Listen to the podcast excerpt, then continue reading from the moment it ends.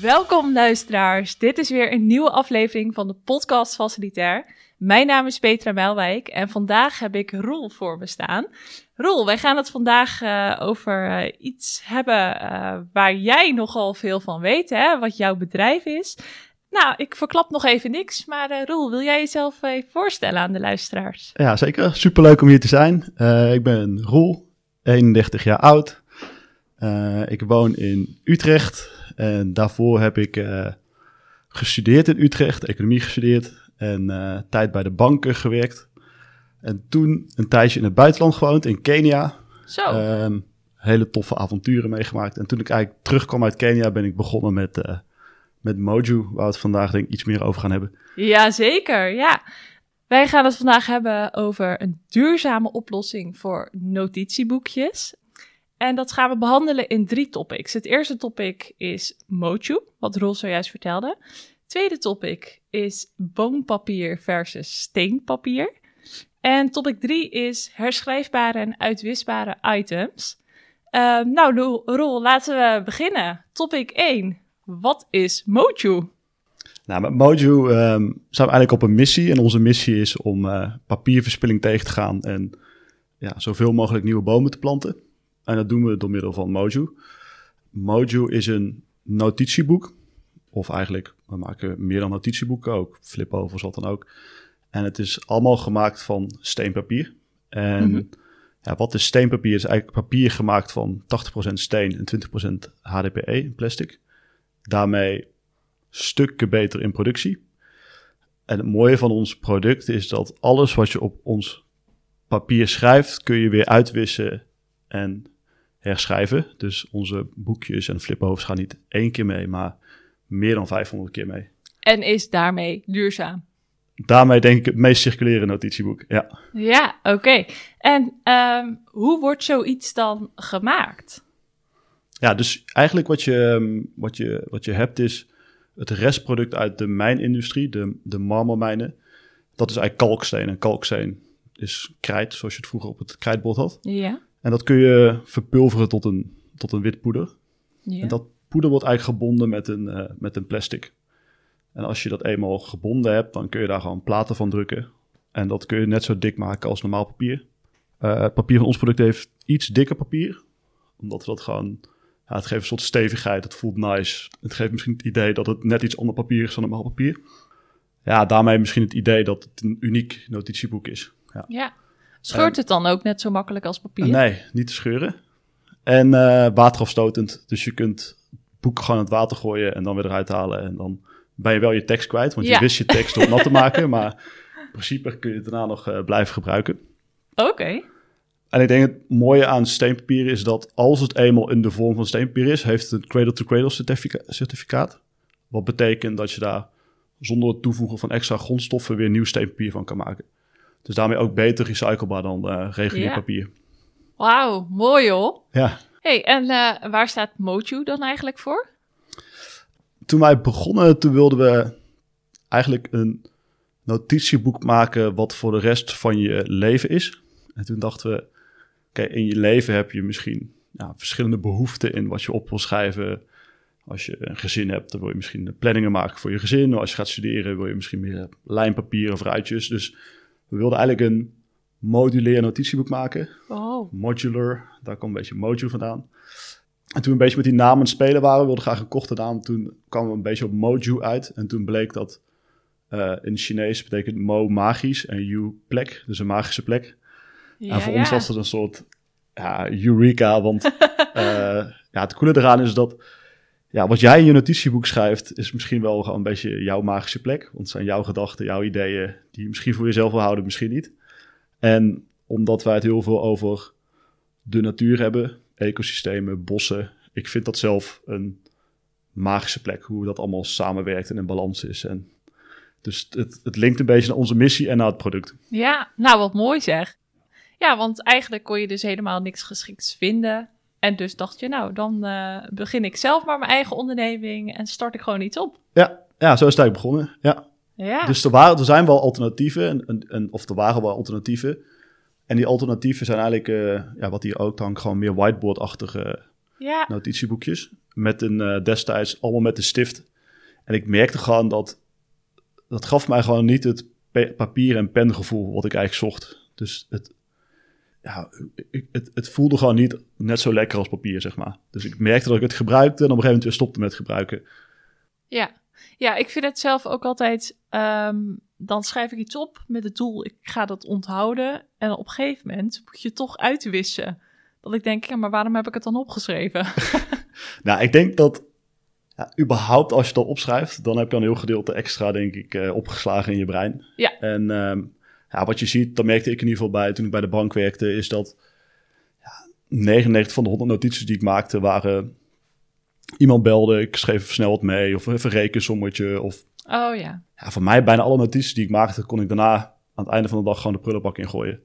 En dat gebeurde ook vaak en dat, dat irriteerde me gewoon of zo. Ja. Ja. ja. en bij to-do-lijstjes is het natuurlijk prettig als je het kan wegvegen in plaats van doorkrassen en Ja. weggooien. Ja, want dat is dus wel leuk aan ons. Ik kan, ja, ligt hier eentje. Maar wat, wat wij dus hebben gedaan is, het is niet alleen een notitieboek. Dus ons boekje begint ook met een aantal to-do-list en een weekplanner en dat soort dingen. En Oh ja. wat we veel terugkrijgen van mensen is dat ze... Het is de vervanging van een notitieboek. Maar het geeft ook gewoon een heel lekker gevoel dat je 's ochtends je to-do-lijstje kan maken en s'avonds een doekje nat kan maken en dat gewoon weer uit kan wissen. En dat geeft gewoon een heel opgeruimd gevoel, zeg maar. Ja, absoluut. Ja. ja. ja. En jij vertelde natuurlijk eh, dat jij ook een tijdje in Kenia hebt gewoond. Ja. Kan jij de link uitleggen eh, tussen Kenia, jou en Mojo? Ja, in Kenia ging ik, ik ging eigenlijk naar Kenia toe omdat ik niet helemaal op mijn plek zat bij grote bedrijven. En ik misschien heel ondernemend was en creatief, maar nog niet zo goed wist wat ik wilde gaan doen. Dus ik ben daarheen gegaan om bij een eh start-up te gaan werken, om daar ervaring op te doen van ja, hoe is het om bij een beginnend bedrijf te beginnen en te, en meer misschien de ondernemersvaardigheden op te doen. Mhm. Wat ik daar, of wat je gewoon ziet, of een beetje een inzicht dat ik kreeg, is dat daar zoveel mooie natuur. En je ziet gewoon dat doordat wij als mensen actief zijn op deze planeet, is dat er gewoon steeds minder ruimte is voor de natuur. Dus dan reed ik door een safaripark heen en dacht ik, dat is best wel raar. Vroeger was heel Kenia een safaripark en nu hebben we bij wijze van spreken een hekje om een gebied heen gezet van oké, dit is nu, hier mag de Natuur, nog even zijn ja. ding doen, weet je wel. En ik zou gewoon, uiteindelijk lijkt me heel tof als we iets meer wereld creëren waar natuur en mens gewoon weer meer hand in hand gaan. Als je hier bijvoorbeeld op straat kijkt, dan hebben we bijna alles is asfalt en er staan eh, tien boompjes of zo. Ja. Maar waarom ja. is het niet een soort bos waar we ook in wonen of zo, weet je wel? Ja. Een Ja. soort ideale wereld, maar ja. Nou ja, je mag altijd blijven dromen, hè? Ja, toch?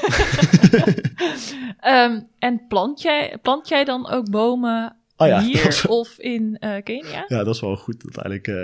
eh, toen ik in Kenia woonde, toen eh, het vetste gebied wat ik zelf vond dat daar was, omdat ik heel erg van bos hou, is het gebied rondom Mount Kenya. Ja, dat is gewoon jungle, jungle met lianen, watervallen. Ja, ik kwam daar gewoon heel graag. En daar is een, ehm, wat je daar zag is dat de, sinds de jaren 50 de, de, de, dat bos eigenlijk steeds kleiner werd, doordat mensen daar landbouw gingen bedrijven. En vanaf de jaren 90 hebben ze gezegd: oké, we mogen hier. Dit wordt nu een beschermd gebied, maar om die natuur terug te brengen, dat duurt gewoon. Als je, als je de natuur zijn gang laat gaan, duurt het misschien wel 100 jaar. Oei. Dus daar zijn boomplantprojecten opgericht en die projecten ondersteunen wij. Aha. En coole is, vind ik zelf, wij zijn net in januari zijn we daar geweest en hebben we ook een documentaire opgenomen over dat boomplantproject. Mooi. En je ziet, kijk, het spreekt natuurlijk heel veel zicht denk ik van mensen wat je doet als je een boom plant. Want je zet gewoon een stekje in de grond en dat gaat op een gegeven moment groeien. Er zijn zoveel indirecte effecten van het terugbrengen van de natuur. Dus je zag de vrouwen in die community, die planten die bomen aan.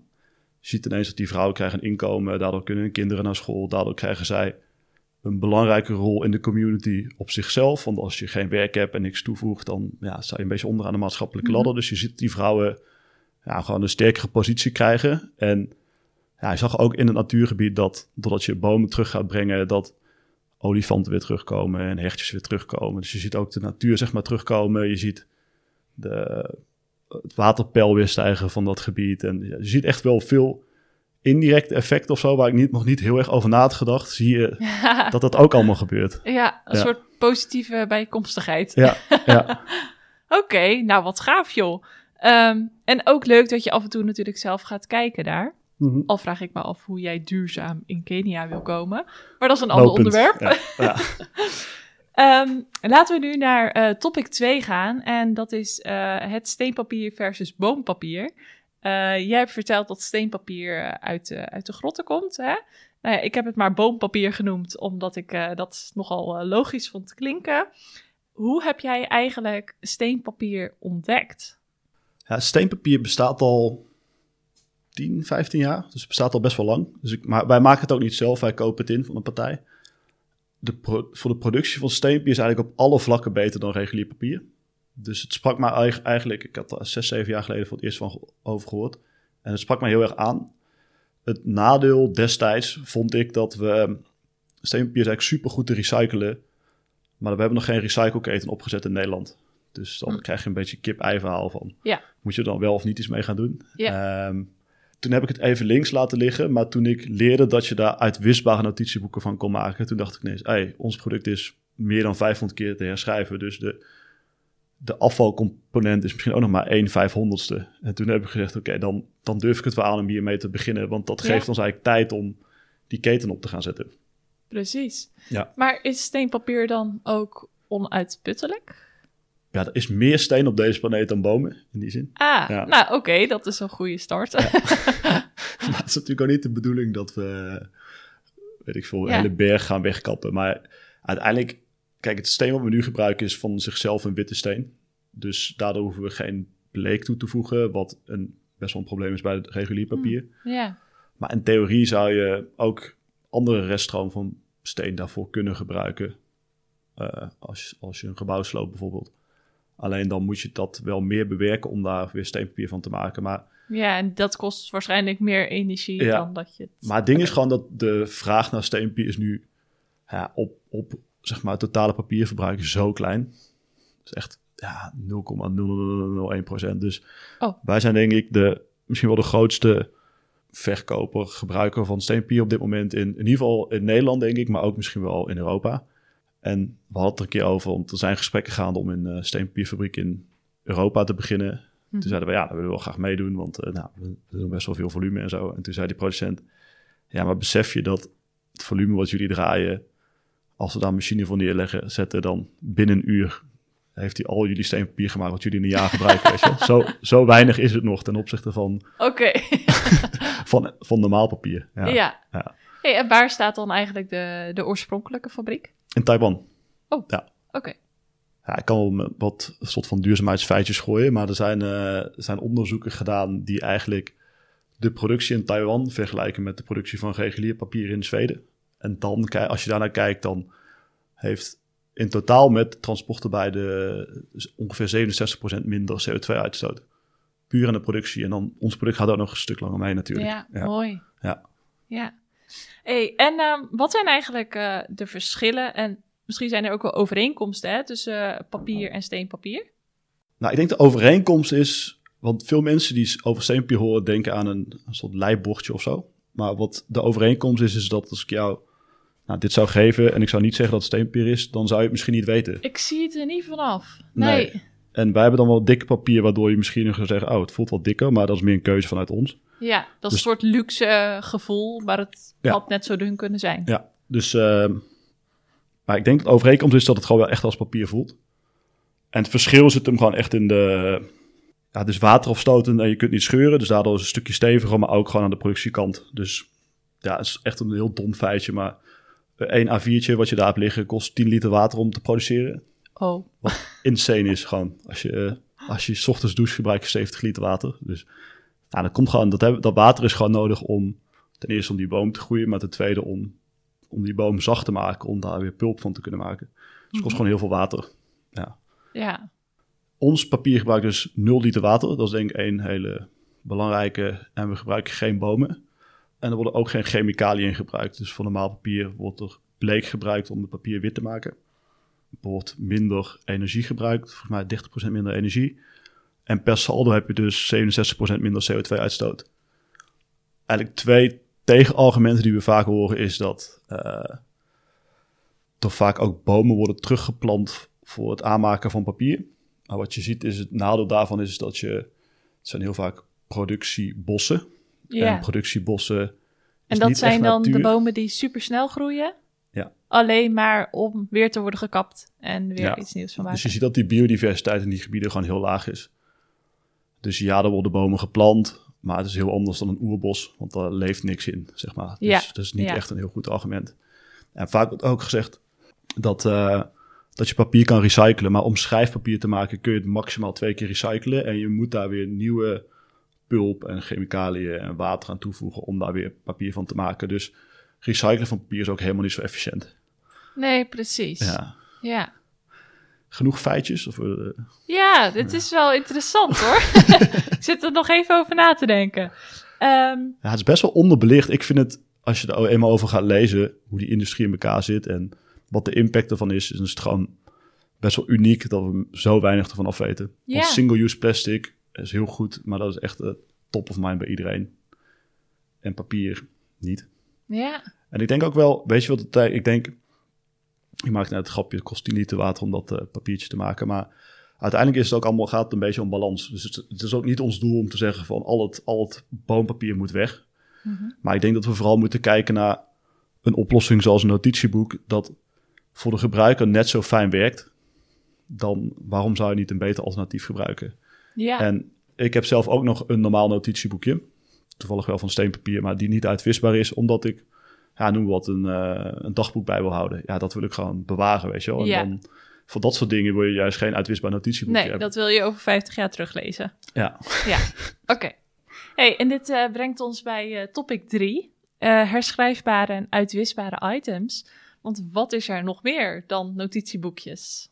Ja, ik denk het leuke aan papier is eh, dat je daar best wel creatief in kan zijn. Omdat je op heel veel plekken papier gebruikt. Dus toen wij net begonnen, mijn, mijn brein slaat dan op hol. Dus ik was alleen maar nieuw product aan het maken. Dus ik had boodschappenlijstjes gemaakt. To-do-lijstjes, kleine boekjes, grote boekjes. Een soort deskplanners die je op je bureau kan leggen, groot, Ja. klein. Ook een eh, flip-over, die wij flipstone noemen. Ja.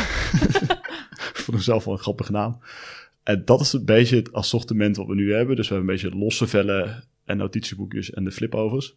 En ik heb nog duizenden en één ideeën. Maar we merken toch ook wel dat 95%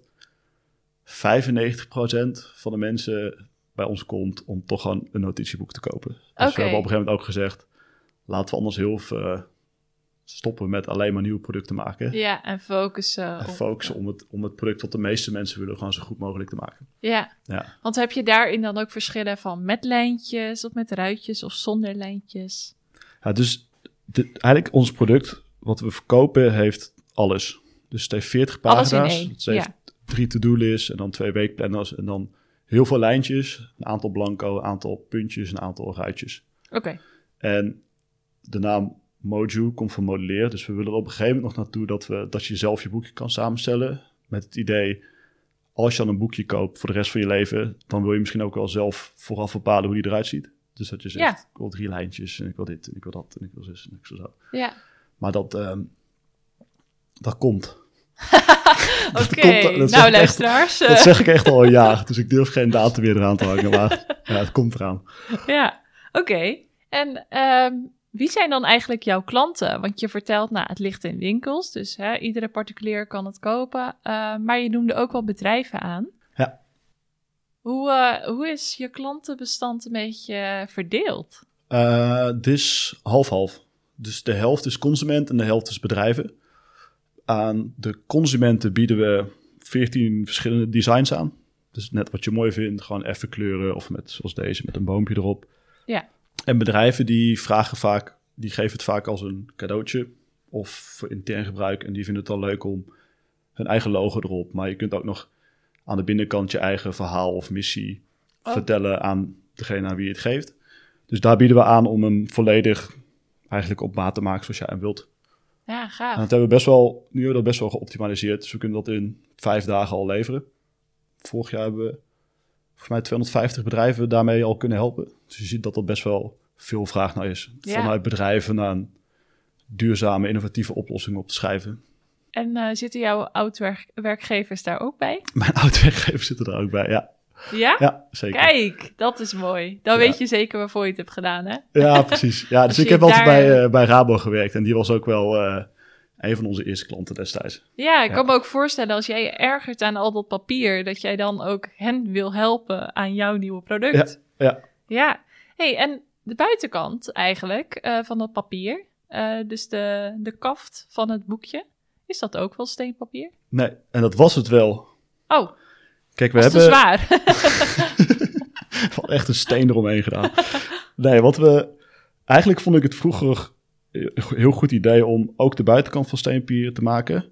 Maar het kraste gewoon best wel snel. Oh. Dus toen dacht ik, oké, aan de productiekant doe je het dan beter omdat het volledig van steenpapier is. Maar uiteindelijk, in hoe lang iemand het gebruikt, merk je gewoon dat zes maanden, twaalf maanden, dat hij een beetje opgebruikt raakte. Dus nu hebben we eigenlijk meer gewoon een dikke boekenkaf van gemaakt. En ik had eigenlijk dus gewoon papier, gewoon boompapier. papier. Ja, Oké. dus de- zit, nou, daar zit gerecycled karton in eigenlijk. Dat is, dat is een beetje de basis. Mhm. En eh, ik had intern eigenlijk, hadden we het zo gezegd, laten we een boekje maken wat je van een flat af kan gooien en dan nog goed is. Zo van, Ja. het moet gewoon lang meegaan. Dus de, het gebruik van gerecycled papier praten we eigenlijk goed door te zeggen, het boekje gaat daar al tien keer zo lang mee. Ja, oké. Zie je eigenlijk ook eh, een trend hierin eh, verschijnen in steenpapier? Of, nou ja, misschien wel uitwisbare items? Hè, het, het, het leeft nu meer. Je hebt veel concurrenten nu. Wat is daar in de trend? Ik denk dat het in het algemeen mensen wel meer nadenken zijn over waar duurzaamheid een paar jaar geleden denk ik echt ging over de productiekant. Dus dat betere materialen gebruiken gaat nu steeds meer over de- de dingen die we hebben langer gebruiken. Ja, dus de wegwerpcultuur, zeg maar, die, die schuift een beetje op. Ja. Omdat mensen nu bewuster worden van hoe kan ik het product langer gebruiken? Ja. Dus dat zie je in kleding zie je dat heel veel. Dat, en bijvoorbeeld, eh, ik vind Patagonia is daar een goed voorbeeld van. Die proberen gewoon producten te maken die ook na 30 keer wassen nog goed zijn. ja. En, eh, ja, en die trend gaan wij wel mee. Of, of ik, ik vind het, ik weet niet, we doen het niet om die trend mee te pakken, maar ik vind het vooral gewoon common sense of zo. Om producten te maken die gewoon lang meegaan. Ja, Eh, maar toch, het is ook je markt, hè? Ja, Ik bedoel, uiteindelijk is het jouw verdienmodel. Hoe bewuster mensen ervan worden, hoe meer jij zal verkopen. ja. Je ziet ook wel, wij zijn 2,5 jaar geleden begonnen. Destijds moesten we veel meer uitleggen bij bedrijven over duurzaamheid en waarom dat we doen en wat Ja. we doen. En je ziet nu wel dat veel meer bedrijven naar ons toe komen. En misschien waar we vroeger een beetje, ja, ik weet niet, misschien vo- vonden mensen ons een beetje irritant of zo. Van ja, komen die gasten weer zeggen dat we alles fout doen.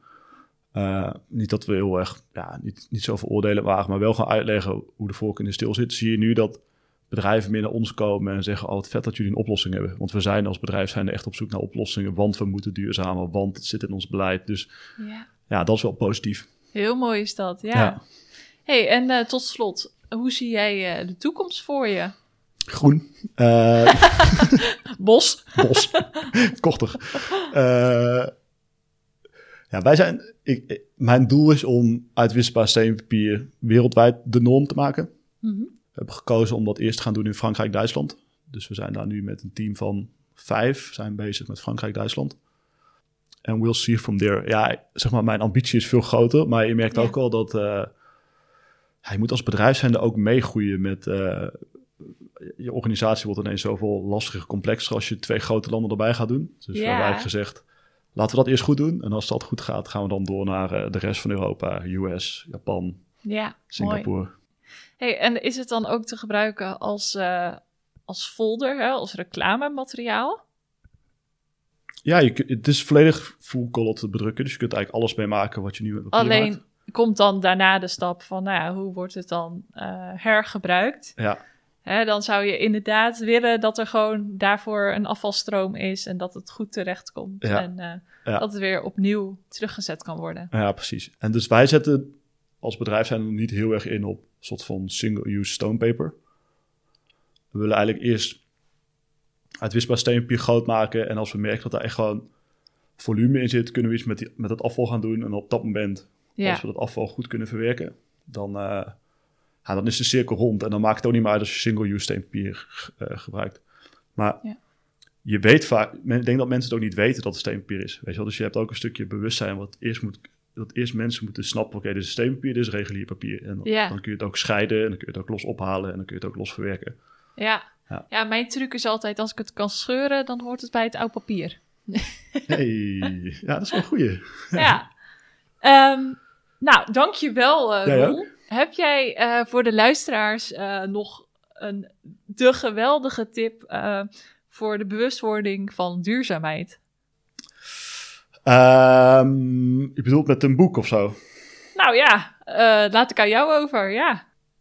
Even denken, ja, ik, voor mij, ik vind de schrijver Charles Eisenstein, dat is mijn favoriet. En die schrijft meer over, over het systeem. Dus waarom, waarom werkt alles zoals het werkt? Dus hij heeft een boek geschreven, The More Beautiful World Our Hearts Know Is Possible. En dat gaat eigenlijk daarover dat we diep van binnen wel weten dat we allemaal met elkaar verbonden zijn en met de natuur. En dat we dat even moeten gaan snappen. En als we dan snappen hoe mooi de natuur is en dat we daarmee verbonden zijn, dat we vanuit daar waarschijnlijk veel beter voor de planeet gaan zorgen. En dat het, dat, dat veel effectiever is dan een feitje van hé, hey, je mag het niet doen, want dat is 80% meer CO2-uitstoot. Dat raakt je gewoon misschien wat minder. Ja. Wauw, nou ik vind het een hele mooie afsluiting. Hè? Gewoon terug naar de natuur. Besef eh, hoe goed de natuur voor mens en dier is. Hè? Voor, voor de hele planeet. Ehm, en begin weer bij die oorsprong. Mooi dat is jouw boodschap. Ja. Ja. hartstikke mooi. Dankjewel, Roel. Jij ook? Superleuk. Eh, ja, en jouw komst hier natuurlijk. Ehm, luisteraars, bedankt voor het luisteren. En tot de volgende aflevering.